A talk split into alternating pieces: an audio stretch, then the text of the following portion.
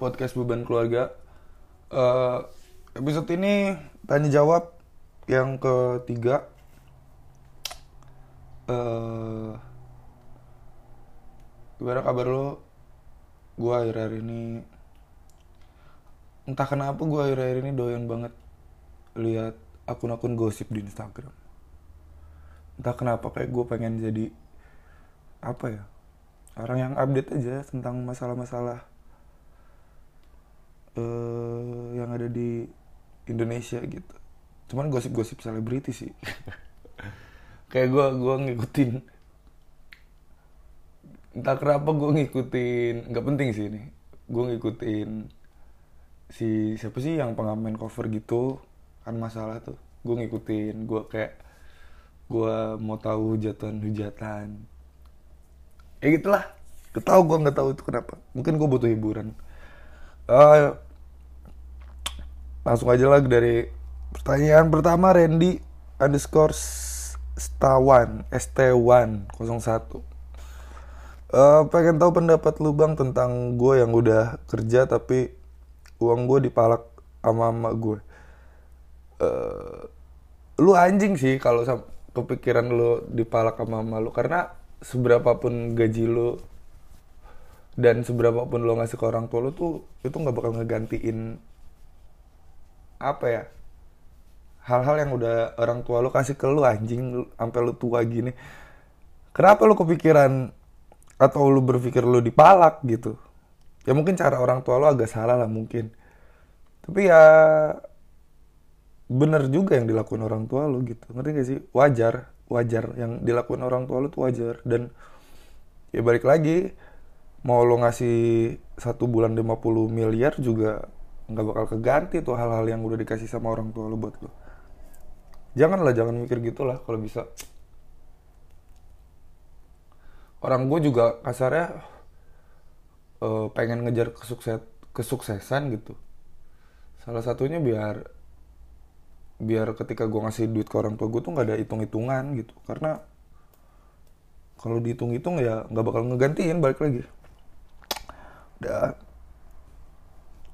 Dari Muhammad Dafa Fadil, Bang kenapa orang tua tuh selalu menuntut? Karena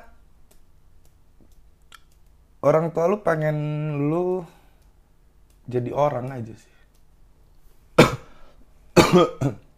Sorry. Eh kayak kan gini ya, apa ya? Kalau banyak yang ngomong kita harus lebih dari orang tua kita gitu. Ya itu tuh benar gitu. Karena orang tua lu sadar mereka tuh ada gagal ya gitu dan dan mungkin mereka menganggap mereka tuh masih belum mencapai sukses lah. Nah mereka tuh nuntut biar lu tuh nyampe ke titik sukses yang lu pengen gitu. Atau kadang egoisnya ke titik sukses yang orang tua kita pengen. Itu aja sih problemnya paling wajar lah dituntut anjing. Kalau lagian kalau nggak dituntut juga apa motivasi lu bangsat gitu tuh. Gue sih pribadi sangat sangat termotivasi ya akan tuntutan orang tua gitu. Kayak harus sukses harus harus apa segala macam harus bahagia. Gue sih itu motivasi menurut gue paling kuat lah gitu. Ya gitulah. Lanjut. Eh, dari Tangs dot y gimana caranya biar nggak jadi beban keluarga? Eh, kalau lo masih anak sekolah atau masih kuliah dibiayain orang tua itu tuh sebenarnya nggak nggak beban keluarga. Yang bikin beban keluarga adalah lo mengerjakan tanggung jawab lo dengan benar nggak gitu. Eh, ya gue pribadi bukan bu gue pribadi sih bisa dibilang beban keluarga karena ya gue nggak munafik gue pernah nipu duit SPP gitu gitulah jadi contoh ya tapi gue bicara fakta aja lah gitu. Yang bu- yang beban keluarga tuh yang nggak bertanggung jawab akan hal yang dia eh, seharusnya menjadi tanggung jawab dia gitu. Kayak misalkan kalau lo sekolah ya lo sekolah yang bener. Itu lo nggak bisa dibilang beban keluarga walaupun lo masih dibiayain. Lo kuliah lo kuliah yang benar gitu. Kalau lo kuliah yang kayak kayak gua gitu pernah nipu atau lo kecanduan judi slot uh, duit dari orang tua lo dipakai buat judi gitu itu beban sih menurut gue lo ganggu lah di keluarga. Sama kayak gue lanjut uh, dari seekor dot bebek cara lebih berani ngutarain pemikiran. Uh, gue sih ya gue waktu waktu waktu gue awal-awal baca buku atau gue awal-awal suka ngobrol sama orang lain gue merasa banyak gue tuh di di fase itu tuh banyak omong karena karena gue so pinter gitu. Gue selalu ngutarin pemikiran gitu. Dan ternyata itu hal-hal yang dilakukan sama orang-orang yang sok pinter. Maksudnya baru tahu apa terus pengen ngungkapin ke teman-temannya. Kalau apa ya di hati kecilnya tuh ada ada keinginan nih gue nih gitu. Pengen dilihat gue tuh pinter tau gitu. Kita bahas ini segala macam uh, ada bahaya ada ada enggaknya sih. Dan itu tuh fase sih menurut gue fase aja. Gue pernah ngalamin itu tapi kadang emang beberapa orang tuh karena kepercayaan dirinya yang kurang jadi ngutarain pemikiran tuh penting juga gitu. Asal tahu waktu dan tempat. Hmm, cara beraninya sih ya dengan pemikiran lu tuh teorinya clear gitu. Teorinya tuh valid gitu. Nggak cuma sekedar dari pemikiran lu ngerti nggak sih? Jadi sumber pemikiran lu tuh dari hal yang udah lu analisis gitu. Jadi beberapa sudut pandang lu satuin dan lu analisis jadilah buah pikiran lu gitu. Nah itu itu yang valid. Tapi kalau cuma perumpamaan di pikiran lu sendiri tuh kayak lu lu bocah-bocah banyak omong aja sih lu bocah-bocah pinter aja. Karena yang udah pinter tuh pasti diem kebanyakan. Kalaupun berisik itu sibuk nanya. Menurut gue gitu. Kalau orang orang pinter beneran tuh ketika dia nggak ditanya ya diem gitu. Tapi kalaupun dia berisik biasanya dia sibuk berisik karena nanya bukan karena uh, nyeloteh nyeloteh gitu. Lanjut. Bayu Prakoso gak tahu sih Bayu Perkos P R K S O underscore Prakoso lah. Bang menurut lu orang Bang menurut lu orang bisa dibilang beban keluarga itu yang kayak apa? Tadi udah gue jawab ya yang kayak kayak lu nggak nggak nyesuai apa ya nggak menjalankan tanggung jawab lo aja itu aja sih. Sesimpel itu. Gitulah. Contohnya ya gue pribadi deh gue kuliah gue minta kuliah itu tanggung jawab gue uh, gue beban keluarga karena kuliah gue gue lulusnya telat and then ya gue pernah nipu duit SPP segala macam gitu. Jangan dicontoh tapi itu beban keluarga banget. Kalau lo walaupun lo masih dibiayain tapi lo menyelesaikan tanggung jawab lo dengan baik lo bukan beban keluarga. Tuh. Lanjut dari sans underscore enggak underscore r Gue baru tahu selama 18 tahun ini kalau faktanya gue anak di luar nikah. Sedih sih tapi ya mau gimana lagi? Ya nggak perlu sedih sih. Itu kan bukan ya sedih. Oke lo wajar lo sedih lah. Gimana ya? Gak tau sih gue nggak tahu di posisi lo ya. Tapi tapi itu kan bukan kesalahan lo gitu. Dan lo nggak meminta hal itu. Dan Tuhan menakdirkan lo terlahir kayak gitu. Tapi kan bukan berarti lo hina gitu itu gak sih jalannya Tuhan tuh pasti yang paling baik lah Lagian lu tahu dari mana lu anak lu nanya ke orang tua lu gokil sih kalau udah apa orang tua lu tahu-tahu cerita gitu. Eh, nak kamu tuh anak kamu tuh sebenarnya hasil dari hamil di luar nikah. Anjing. Ah, fuck gitu. Kenapa gua lahir di luar? Ah, kenapa gua anak haram? Gak lah, nggak apa-apa lah. Bukan gimana ya? Sedih sih tapi ya lo lo udah berdamai lah dengan bahasa lo sedih sih. Tapi ya mau gimana lagi ya gue bisa nganggep lo udah berdamai. Yang gak usah sedih juga maksud gue bukan kesalahan lo lah. Semangat Rangga. Ya. Lanjut. Dari Hansopile. Tahu gimana dibacanya. Uh, orang tua itu muncul sebagai apa di hidup kita? Pembimbing atau tujuan awal dan akhir atau surga dan neraka semuanya sih. Pembimbing iya uh, untuk masalah tujuan awal dan akhir tuh apa ya orang tua sih menurut gue tugasnya hanya mengarahkan ya bukan bukan membuat tujuan untuk kita bukan. Mengarahkan aja biar kita punya tujuan gitu di hidup tuh. Uh, terus surga dan neraka juga cukup mempengaruhi.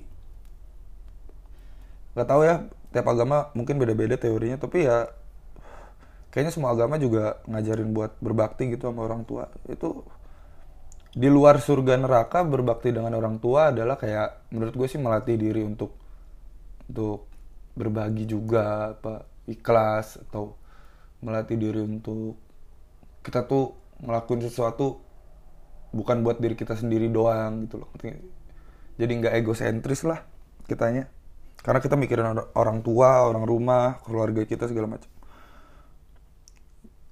Ya itu muncul sebagai itu semua pembimbing dan segala macam.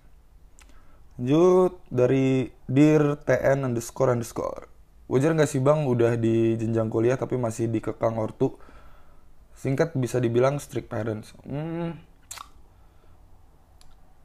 wajar kalau dilihat dari latar belakang orang tua lo mungkin ya. Maksudnya orang tua lo mungkin ngerasain hal yang sama atau sebenarnya saking sayangnya orang tua lo sama lo gitu makanya jadi jadi lo tuh dikekang.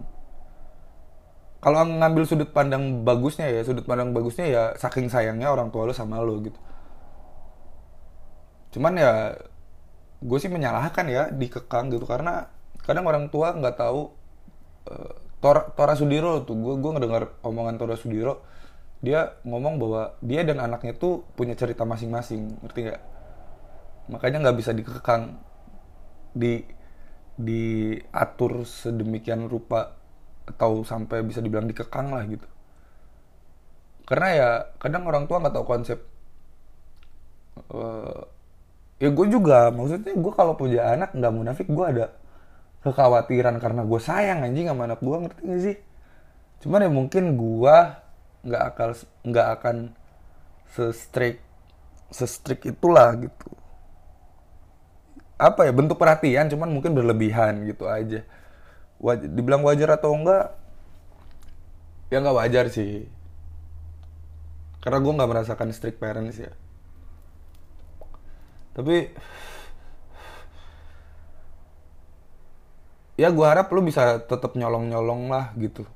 Main main sama berbagai macam lingkungan biar lu ada ada pengalaman hidup aja gitu. Atau ya nanti beres kuliah gitu lo lo sabar sabar aja lah beres kuliah lo kerja kan kerja kan udah tuntutan pekerjaan tuh lo cabut gitu ngekos segala macem. Dan gue berharap lo nggak brutal karena lo kasarnya biasa dikandangin terus nanti tiba-tiba dilepas dari kandang tuh itu bahaya juga sih. Itu bahaya juga. Lo lo harus prepare lo.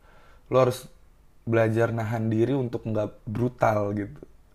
Karena kebanyakan temen temen gue gitu gue melihat pengalaman gue teman-teman gue yang orang tuanya strict gitulah uh, mereka tuh brutal banget gitu. Sekalinya nongkrong sekalinya main sekalinya bergaul tuh kayak brutal. Semua dicoba uh, semua ditekunin gitu kayak partinya kenceng maboknya kenceng gitu.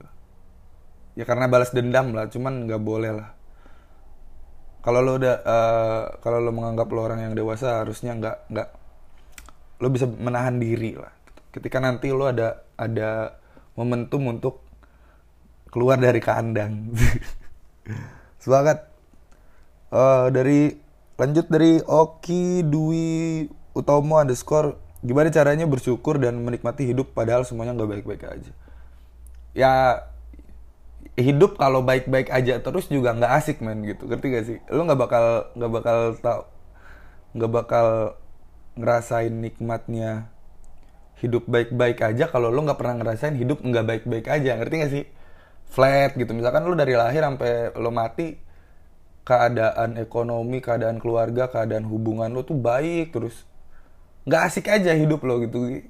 Simple aja lah gue gue sih punya pola pikir gitu simple aja. Hidup kalau nggak ada masalah nggak seru. Udah itu aja. Sesimpel itu pola apa kalau pemikiran gue ya prinsip hidup gue gitu. Ketika gue di ada masalah gitu anjing ya udahlah seru gitu. Kalau nggak ada masalah nggak seru sih hidup. Dan dan dan bisa dinikmatin kok masalah itu bisa dinikmatin. Karena ujung-ujungnya gue pribadi sih merasakan bahwa setiap gue punya masalah entah di depannya tuh pasti gue bisa ngambil sesuatu dari masalah yang udah gue lewatin gitu. Entah itu jaraknya lama ya atau cepet atau lama tapi intinya tetap di depan tuh bakal bakal bisa gue ambil pelajaran gitu dari masalah-masalah yang udah gue lewatin. Ya gitulah nggak seru lah kalau hidup flat. Lanjut dari Hai Andes Hai underscore Rehan uh, Bang gimana ya cara caranya bahagia bahagia bahagiain mungkin ya? Bang gimana ya caranya bahagiain? Oh bahagia di keluarga yang tidak lengkap anjing. Bang gimana ya caranya bahagia di keluarga yang tidak lengkap? Uh, banyak gue gue pribadi jujur gue nggak merasakan percaya perceraian orang tua gitu. Tapi ini tar dulu ini nggak lengkapnya karena apa nih? Diting sorry ya ditinggal meninggal atau cerai atau gimana? Ya maksudnya kalaupun misal misal orang tua lu pisah ya kalau orang tua lu jauh lebih baik secara personal ya lu harus turut bahagia juga lah gitu. Karena ya lu udah gede juga gitu. Cuman kalau nggak lengkap karena sorry itu saya ditinggal meninggal ya mau gimana anjing? Gitu ya kayaknya gue itu mah gue yang harus belajar dari lo gak sih? Bukan lo yang nanya ke gue karena ya alhamdulillah gue belum merasakan ditinggal cerai atau ditinggal meninggal gitu. Belum lah. Tapi gue entah kenapa ya gue di mungkin seiring bertambahnya usia gue bertambahnya pola pikir gue gitu kayak gue ya gue sih udah yakin suatu saat nanti orang tua gue bakal ninggalin gua gitu atau gua yang ninggalin orang tua gua gitulah. Nggak tau lah. Bangsat gua udah gede anjing. Lanjut dari JBR NT susah banget. Uh, bang kenapa kalau kita belum berhasil itu dihina dan ketika sukses itu dicela? Uh, belum berhasil dihina ketika sukses dicela. Kenapa ya?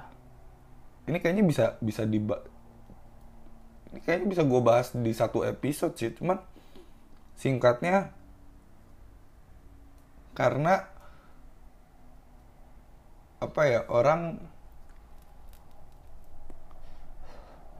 orang tuh ketika ngelihat orang sedang berproses gitu sebenarnya ada ketakutan untuk anjing nih orang orang ini kayaknya bakal sukses deh gitu. Jadi mereka pengen ngehina biar orang tersebut tuh nggak sampai di titik yang mereka pikirkan gitu. Karena mereka juga mungkin pas ngelihat kita atau pas ngelihat proses kita berjuangnya kita mereka juga sebenarnya dalam hatinya mungkin ya yakin bahwa ini orang sukses sih gitu. Gue hina deh mungkin gitu kali. Notif lagi aja uh, gitulah. Terus dan ketika sukses dicela ya karena dia nggak terima aja ternyata apa yang dia pikirin tuh jadi kenyataan. Ya nggak sih? Setuju nggak sih? Iyalah. Ih, pinter ya gue tapi ini, ini menarik sih untuk dibahas khusus di episode. Uh, lanjut. Dari Rahmat Boy. Anjing banyak juga yang nanya. Kenapa lu kasih judul podcast beban keluarga? Apakah lu nggak nggak punya mimpi untuk merubahnya? Ya karena itu nampar gue gitu sengaja gue kasih beban keluarga karena itu akan selalu mengingatkan gue bahwa gue beban keluarga. Dan mengingatkan gue adalah beban keluarga itu menurut gue pribadi sih itu motivasi personal gue ya. Kayak jadi ketika gue ngelihat podcast gue atau gue ngaca sendiri lah dengan gue menggunakan kaos beban keluarga gue merasa oke okay, gue harus berjuang lagi nih. Karena gue masih di titik beban keluarga gitu. Dan alasan nama podcast beban keluarga sih ya kayak fase aja. Gua podcast gua isinya itu ngebahas masalah-masalah yang ada di fase beban keluarga gitu. Fase beban keluarga tuh kayak ya lu 17, 17 tahun sampai 24 lah gitu tuh. Kayak baru lulus kuliah tapi masih nganggur atau masih kuliah atau masih sekolah. Dan itu uh, sebutan yang pas aja beban keluarga gitu. Karena satu menghina orang. Karena gue suka ngecengin orang. Yang kedua ngehina diri gue sendiri karena gue termotivasi dari itu. Yang ketiga uh, karena gini gue pikirnya kalau lo klik podcast gue berarti lo merasa lo beban keluarga gitu. Dan lo mau merubah itu gitu bagusnya. Bukan lo cuma sekedar merasa beban keluarga tapi lo pengen merubah merubah kondisi lo lah sebagai beban keluarga gitu. Gitu aja lah. Sorry ada notif ya. Uh, lanjut dari Ade Idrus. Anjing 20 menit. Uh, bang cara biar gak jadi beban keluarga selain kerja apaan bang? Ya itu tadi udah gua apa ya tadi udah dibahas sih. Kayak lo menyelesaikan tanggung jawab yang udah lo pilih. Udah itu aja. Clear. Karena pas mungkin yang nanya ini si lo ini dek Idrus ada Idrus nih lo nih kayaknya masih sekolah atau kuliah.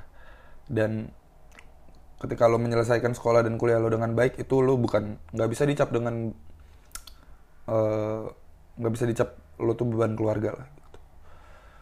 uh, terakhir ya dari Mirzal Mirza Mirzal Kamal. Gimana sih? Mirza Mirza Kamal uh, dari Mirza El Kamal jawaban aman pas hari raya ditanyain keluarga. Kuliah atau kerja di mana? Nanti mau jadi apa? Jawaban paling amannya sih menjadi PNS udah. Udah itu aja udah. Jawab aja lu mau jadi PNS itu aman banget. Dah. Udah 20 menit lebih ya. Thank you yang udah kontribusi. Thank you lo yang udah nanya kontribusinya uh, semoga menjawab atau memberikan sudut pandang baru ke pemikiran lo ya. Dan dan kalaupun iya jangan sudut pandang lu tuh nggak boleh satu gitu. Jangan jangan. Kalau bisa lu cari jawaban lain gitu. Thank you bye bye sehat selalu kalian.